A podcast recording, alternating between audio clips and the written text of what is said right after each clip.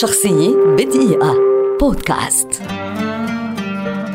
فينس جيليغان كاتب مخرج ومنتج أمريكي شهير ولد عام 1967 ويعد واحدا من أبرز كتاب السيناريو في وقتنا هذا على صعيد الدراما العالمية. بعد أن تخرج من المدرسة الثانوية ذهب إلى جامعة نيويورك حيث حصل على درجة البكالوريوس في الفنون الجميلة للإنتاج السينمائي من مدرسة تيش العليا للفنون التابعة للجامعة. في الفترة التي قضاها في الجامعة كتب جيليغان سيناريو لفيلم بعنوان Home Fries والذي تحول لاحقا إلى فيلم من بطولة درو باريمور ولوك ويلسون.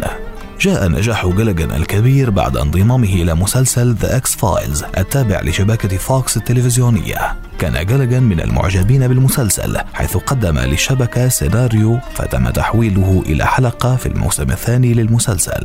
بعد ذلك كتب جيليغان أكثر من 26 حلقة لكن النقلة النوعية في حياة جيليغان والتي جعلته أحد أبرز وأشهر كتاب السيناريو على كوكب الأرض هي كتابته للمسلسل الشهير الرائع الذي يعده الكثير من النقاد والمتابعين أفضل مسلسل في التاريخ Breaking Bad فقد قام جيليغان بتأليف وكتابة وإخراج وإنتاج Breaking Bad الذي حقق نجاحا لم يعرفه مسلسل تلفزيوني من قبل وحصد عددا كبيرا من الجوائز العالمية.